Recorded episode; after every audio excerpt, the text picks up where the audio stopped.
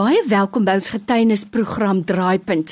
En dankie dat jy weer tyd maak om in te skakel en dit nogal 9uur op 'n Vrydag aand of 06:30 op 'n Sondagmiddag. In hierdie geselsie nooi ek gaste om met jou te kom deel hoe God vir hulle 'n hoop was, hoe God steeds dieselfde is gister, vandag en tot in alle ewigheid. Ons wil eintlik net die Here se naam eer gee.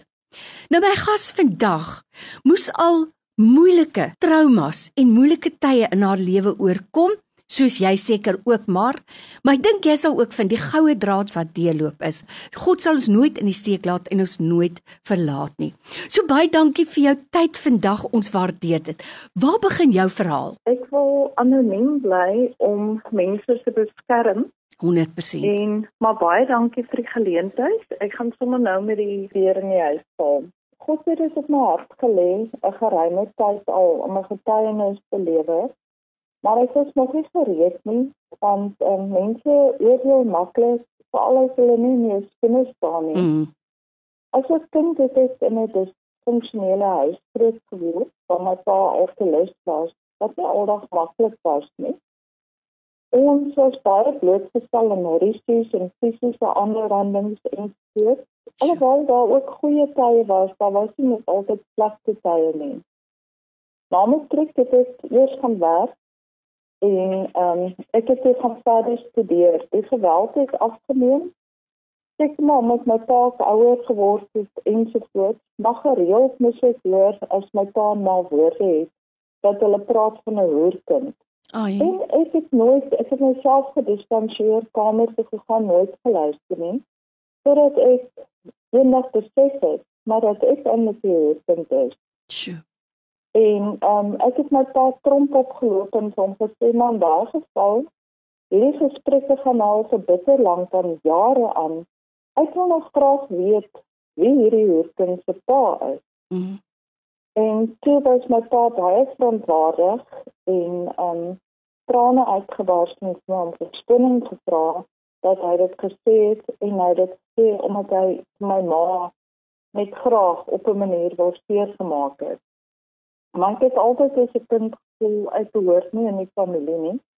Omdat ek 'n lelike enetjie was en ek moes altyd aan my susters se skadu beweeg het.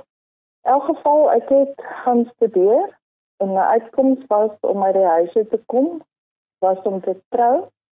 So my motief om te trou was om uit die huis te kom. Ek het 'n Portugese man ontmoet en binne 'n jaar het ek getrou en ehm um, dit het baie goed aanvanklik gegaan. Twee jaar later uit die huwelik is my seun gebore wat meer in die hospitaal was as buite in die hospitaal. Hy was 'n kolik babatjie van die begin. En dat 24/7 my aandag gesaar het en my eksman kon dit verstaan het nie. En hoe meer die baba gehuil en geskree het hy weer deure geklap en aangegaan en ek het net nie meer kans gesien om twee babas groot te maak nie. Mm. na 6 jaar na ek geskei is het ek weer 'n man in my lewe ontmoet. En ek het gehoor dat die persoon so emosioneel um, opgewasse wees en volwasse wees omdat hy 'n prokureur is met goeie mense kennis, hy het 'n sterk persoonlikheid gehad of so het ek gedink. En um, ons het 'n verhouding begin van 7 jaar. Die verhouding was maar baie stormagtig as gevolg van sy moedswings en wat ek later eers besef het dat hy eintlik 'n rokkie agter was. Elke keer as ons beklei dan was daar iemand anders op die toneel en dan sê hy maar weer dryfstaar teruggekom het En ek het maar net weer aanvaar het en aangegaan het waar ons gelos het. Op 13 Mei 1996 was ek in 'n baie groot motorongeluk waar ek amper my lewe verloor het. Ek is daardie oggend op pad werk toe gewees en ek het deur die windskerm van my motor hm. en ehm um, waar ek my nek gefraktureer het en 'n pyn in my arm het en interne beserings opgedoen het. En by die hospitaal wat my behandel het, het hulle nie opgestel met die MRI dat dag van die 13de Mei dat my nek gefraktureer was nie. Sure. En ehm um, as my ouers my kom besoek het, het ek hulle gesê my kop val van my nek af en dan het die mediese personeel gesê ek het breinskade opgedoen. Dit het later so erg geraak, hulle het nie my hare gelukkig vir my gewas nie. Mm. En die klein glasstukkies was nog in my hare en my hare het begin ryk na bloed. Mm. En my ma het opgeneem met die matrone. Maar gelukkig vir my was my hare nog nie gewas nie. En ek het vir my huisdokter ontdekking kom, 'n dokter Reinders in Tableview, mm. om gesê hy moet asseblief na my toe kom. Ek sê fout hulle sê ek het breinskade en my kop vol van my lyf afval. Hy het aangedring op nog 'n MRI en daar het hulle gesien dat ek 'n hangman fracture het. Dit het twee nek fraktuur. Nou daai besering is wat as hulle mense in die ou dae gehang het, mm. wat jy nek snap mm. en jy dood is. Mm. As my nek 'n paar millimeter meer gefraktuur het, was ek vandag dood. Dit kon maklik gebeur het van hulle hare was. Mm. So tot my redding het hulle nie my hare gewas nie. So ek het die ongeluk oorleef. Um, ons het op daai stadium nie geweet of ek permanente skade het al dan nie. En toe het my vriend, my seun se pa intussen het hy oorstee gehardloop want hy was bang vir die verantwoordelikheid. En hy het teruggekom. Later het ek het ons verhouding weer hervat en het ek tyd gegaan. Toe het ek swanger geraak en hy het my geforseer om te gaan vir abortus. Ai. En ek het geweier om te gaan vir abortus nou het my gesê vir my lewe help vir om te maak. En intussen is my seun gediagnoseer met um, asperger in elk geval om 'n lang storie kort te maak my seun is in die weermag en asperger is maar woede uitbarstings en kan nie redeneer nie. Dit met hom praat. Dis sê hy sê my jy moet spreek. En onmiddellik het ek so 'n doodsgevoel oor my gekry. Sure wat ek vir hom gesê het, ek gaan nie verder met jou praat nie. Onmiddellik het ek gebid dat die Here hom moet beskerm en vryspreek en die hele naweek was ek siek.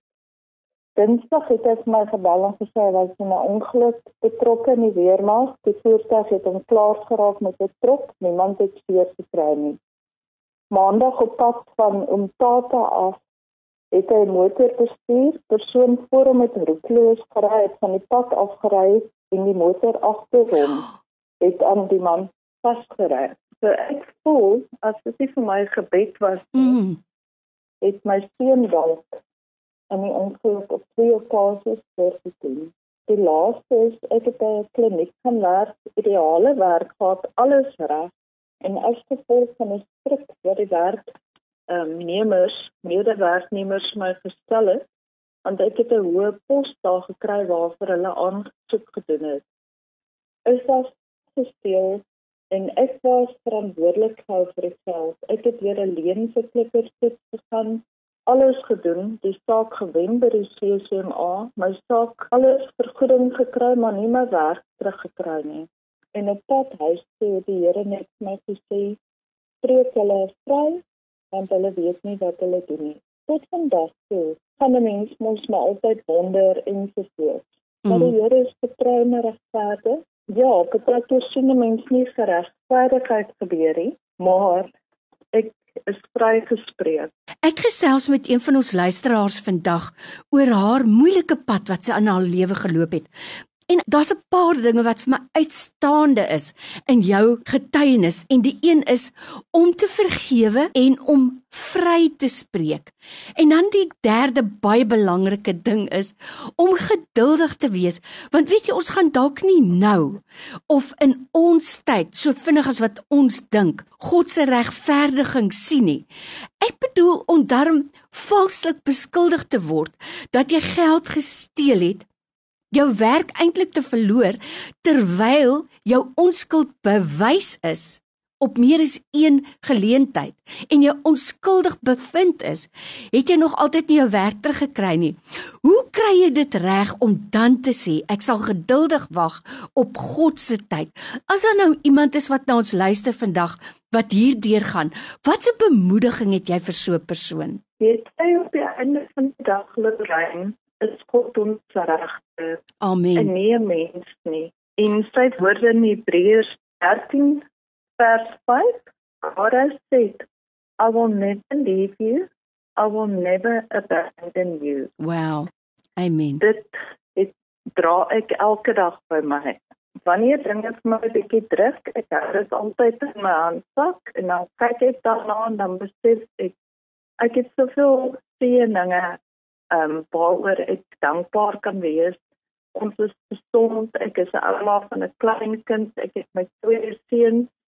Ek is geseën, Lorraine. Weet jy, maak nie saak wat mens aan iemand doen nie. Op die einde van die dag, ek let go and let God in my vriend se altyd smile and wave. En mens hoef nie altyd vir jouself te beklei en te regverdig nie of om 'n wenner te wees.